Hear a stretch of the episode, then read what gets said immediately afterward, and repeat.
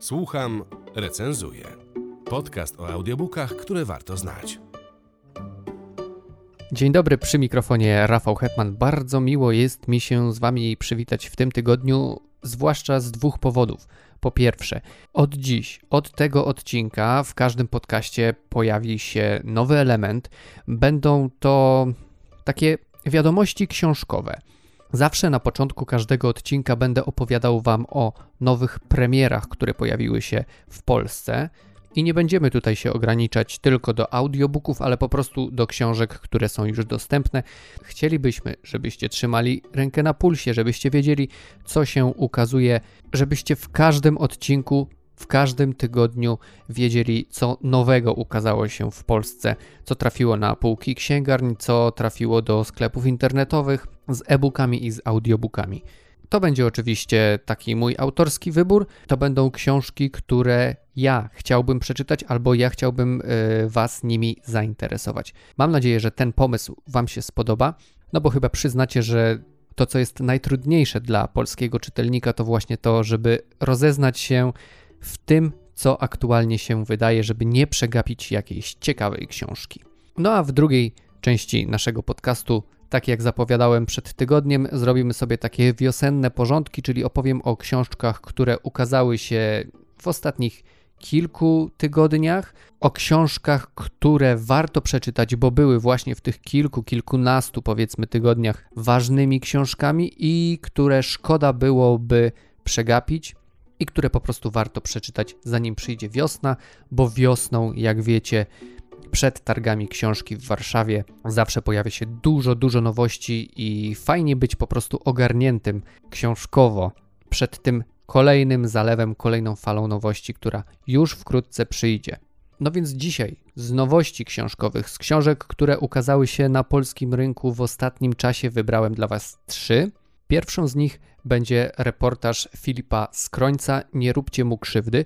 To jest książka o Tanzanii i o życiu osób z albinizmem w Tanzanii. Książka pojawiła się 4 marca i możemy w niej przeczytać o tym, jak polski reporter przyjeżdża do Tanzanii i próbuje dowiedzieć się, jak wygląda sytuacja osób z albinizmem, bo te osoby, nie wiem czy wiecie, osoby z albinizmem e, bardzo często są zabijane albo okaleczane. Niektórzy wierzą, że talizmany zrobione z części ciał takich osób przynoszą po prostu szczęście i z tego względu te osoby są zagrożone. Ale, ale kiedy Filip Skrońc przyjeżdża do Tanzanii, okazuje się, że sytuacja albinosów wygląda trochę inaczej niż reporter to sobie wyobrażał, wyobrażał, trochę inaczej niż opisują to duże media na świecie.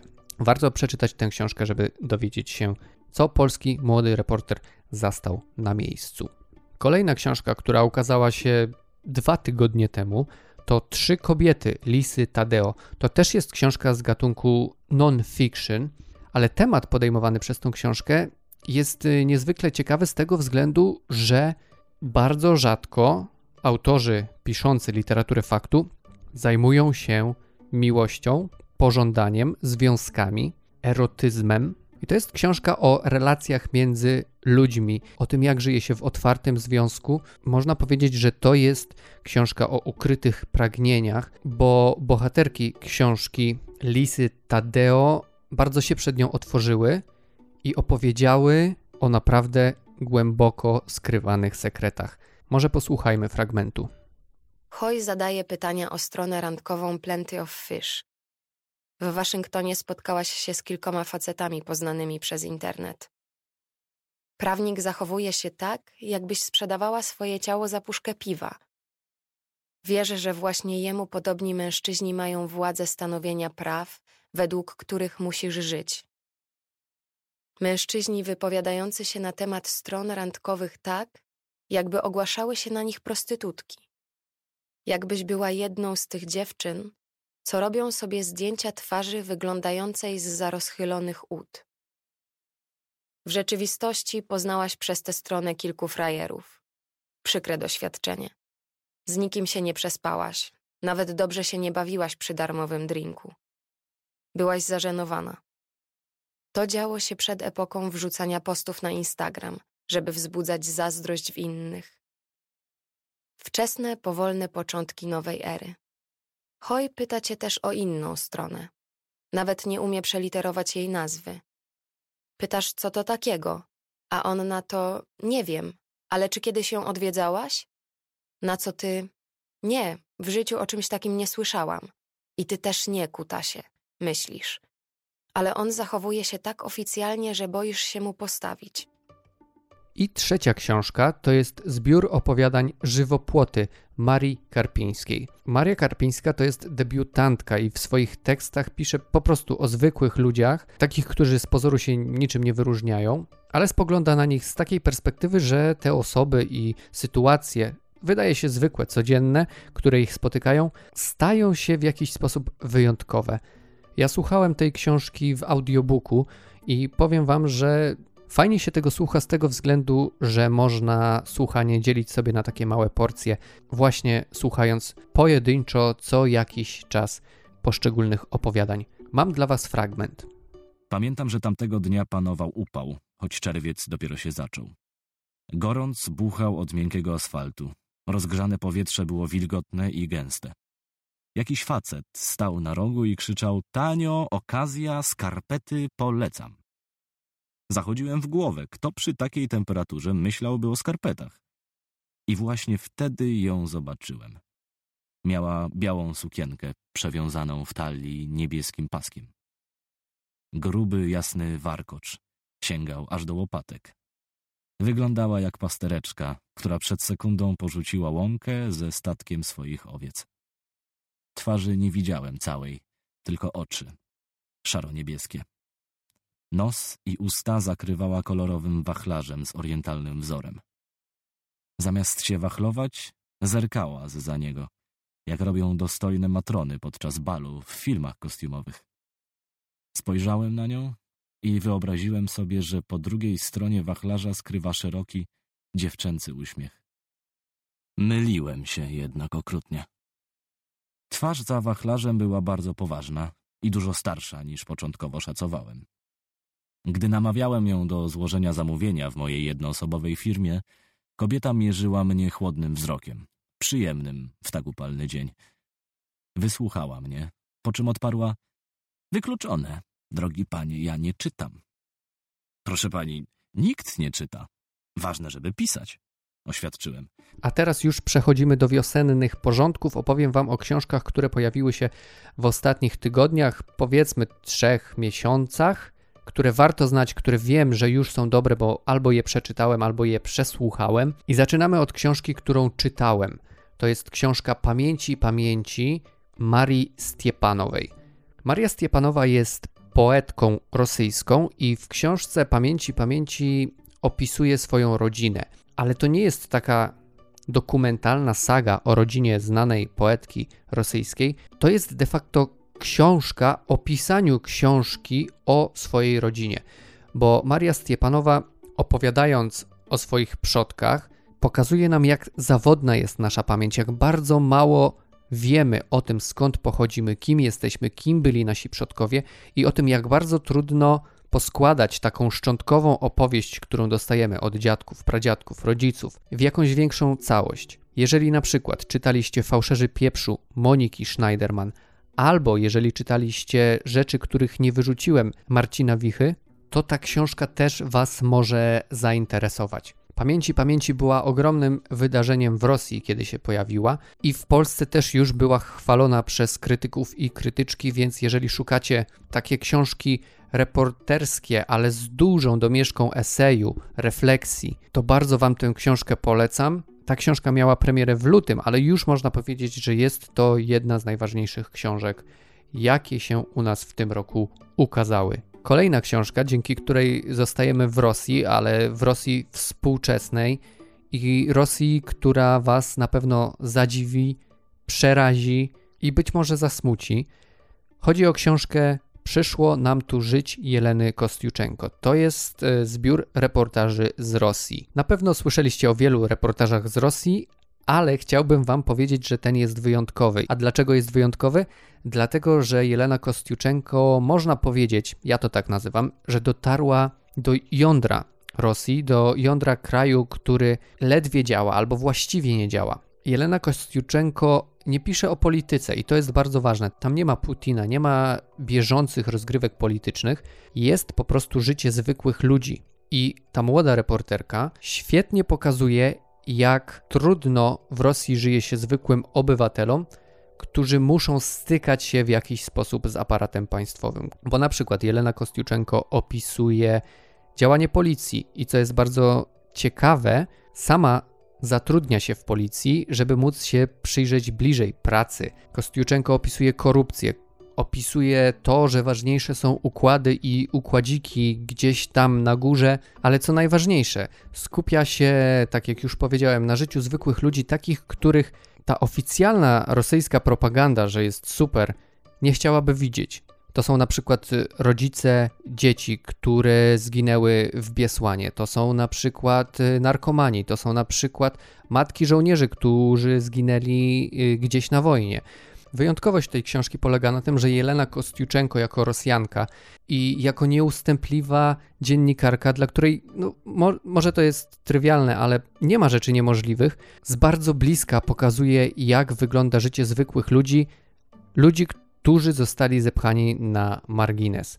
I co się dzieje w kraju, w którym nie szanuje się praw człowieka, nie istnieje niezależne sądownictwo, a ważniejsze są właśnie układy, układziki. Słusznie mówi się, że to jest najlepsza książka o Rosji, jaka pojawiła się w Polsce w ostatnich latach. Naprawdę bardzo Wam polecam. Premiera tej książki była 15 stycznia i ja jestem pewien, że ta książka będzie chociażby nominowana do nagrody Ryszarda Kapuścińskiego za rok. A teraz zupełnie zmieniamy stylistykę i temat, bo chciałbym Wam powiedzieć o książce B.A. Paris Dylemat.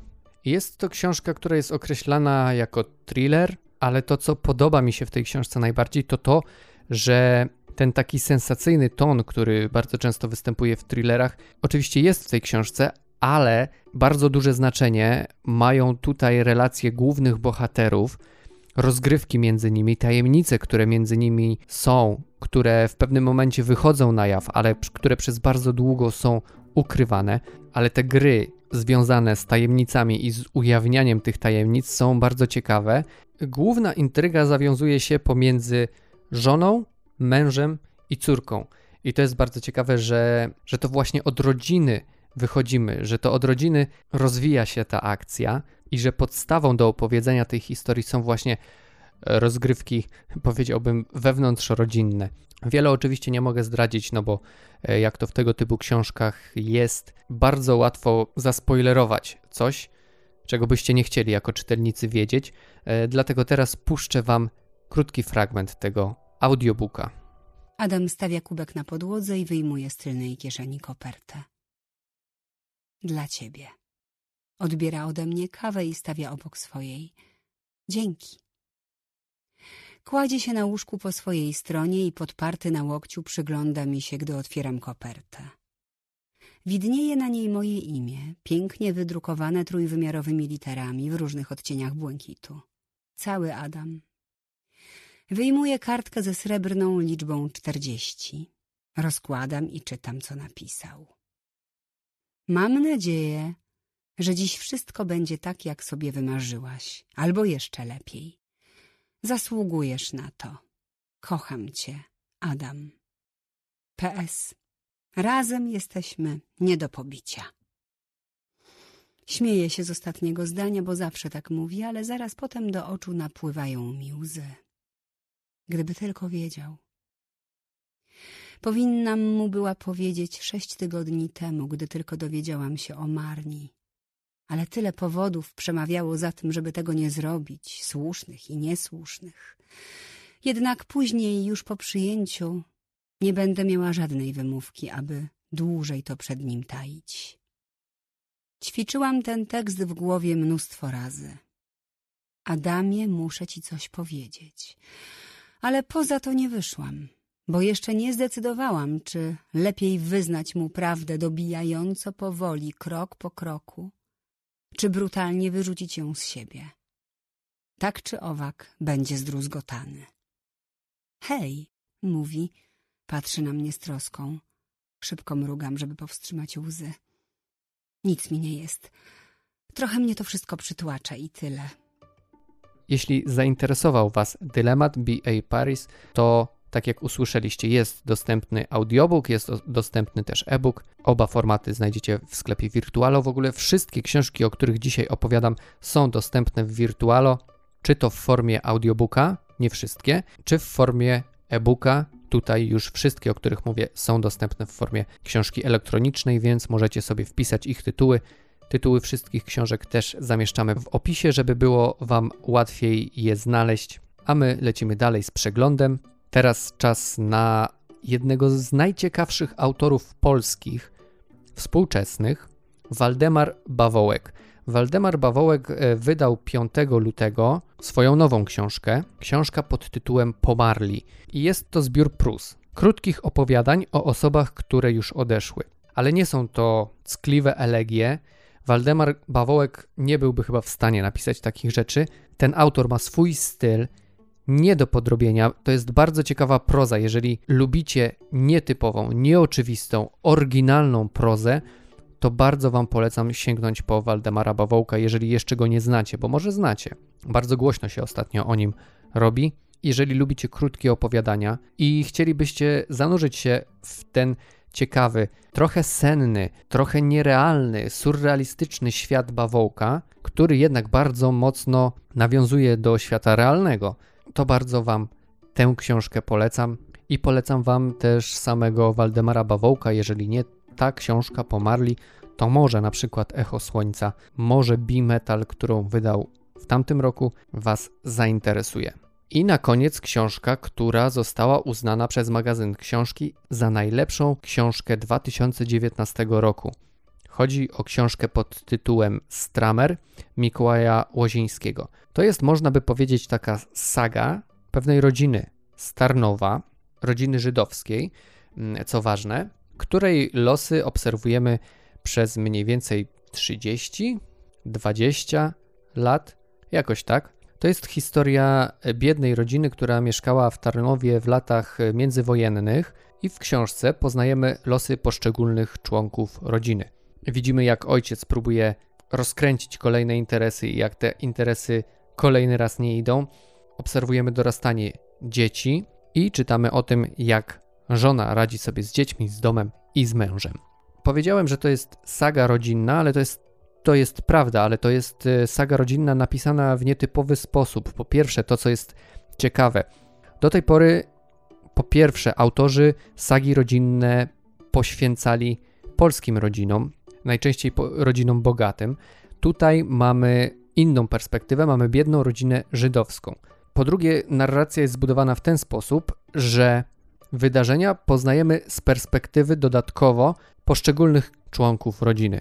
Czyli jeżeli ojciec zakłada biznes, to najpierw patrzymy na świat jak gdyby jego oczami, z jego perspektywy, a po chwili punkt widzenia na biznes ojca zmienia się, bo patrzymy na te wszystkie działania z perspektywy matki. E, no i to jest moim zdaniem bardzo fajny zabieg, bo, bo te zmiany punktu widzenia są po prostu ciekawe. No a po trzecie, ta książka jest bardzo fajna, ponieważ możemy zobaczyć, jak wyglądało zwykłe życie w małym miasteczku gdzieś na prowincji przed wojną i w ogóle w latach dwudziestych XX wieku. I to jest książka, w której świat można się wciągnąć. Mnie się ona podobała. I teraz mam dla Was fragment. To dla Rywki. Wrócił z Ameryki. Opowiadał, że przez cztery lata codziennie myślał o tej dziewczynie, aż w końcu kupił powrotny bilet na statek. Nie opowiadał, że wrócił bez grosza i że nawet na ten bilet musiał pożyczyć pieniądze od starszego brata. Za to wciąż lubił wtrącać w rozmowie amerykańskie słowa, których nikt z rodziny nie rozumiał. Przywiózł z Ameryki skórzany pas z mosiężną klamrą. Pożegnalny prezent od brata na drogę powrotną do Polski. Na nowojorskim nabrzeżu uściskali się i więcej nie zobaczyli. Na pasku można było prześledzić, przyglądając się zużyciu kolejnych dziurek, jak przez lata zmieniała się jego figura. Natan sam nie dowierzał, że kiedyś był taki szczupły. Podobnie jak jego ojciec i dziadek, z wyglądu przypominał zapaśnika. Starego zapaśnika. Szerokie ramiona, ledwo widoczna szyja i wypięta do przodu jak u koguta klatka piersiowa. Był dumny, że w mieście mówią na niego boss. Na ulicy na pytania, co słychać, odpowiadał Jest dobrze, ale nie beznadziejnie. Ręką dotykał kapelusza i szedł dalej. Co kilka miesięcy przychodził list z Nowego Jorku. Ben pisał, że niestety na razie musi odłożyć podróż do Tarnowa. Nie może teraz zostawić sklepu papierniczego. Zaczyna się rok szkolny i ma zbyt wiele zamówień. Musi zwolnić nieuczciwą pracownicę, a nie znalazł jeszcze na jej miejsce nowej, godnej zaufania. Niedługo chrześcijańskie święta Bożego Narodzenia, czas prezentów, a u nas nie tylko Żydzi kupują. Żona znowu się rozchorowała. Zaczął się kryzys. Gdyby teraz zostawił sklep, nie miałby po co wracać do Ameryki. Ale tęskni i planuje w przyszłym roku. Nie może się już doczekać, żeby poznać Rywkę, ich synów i córki.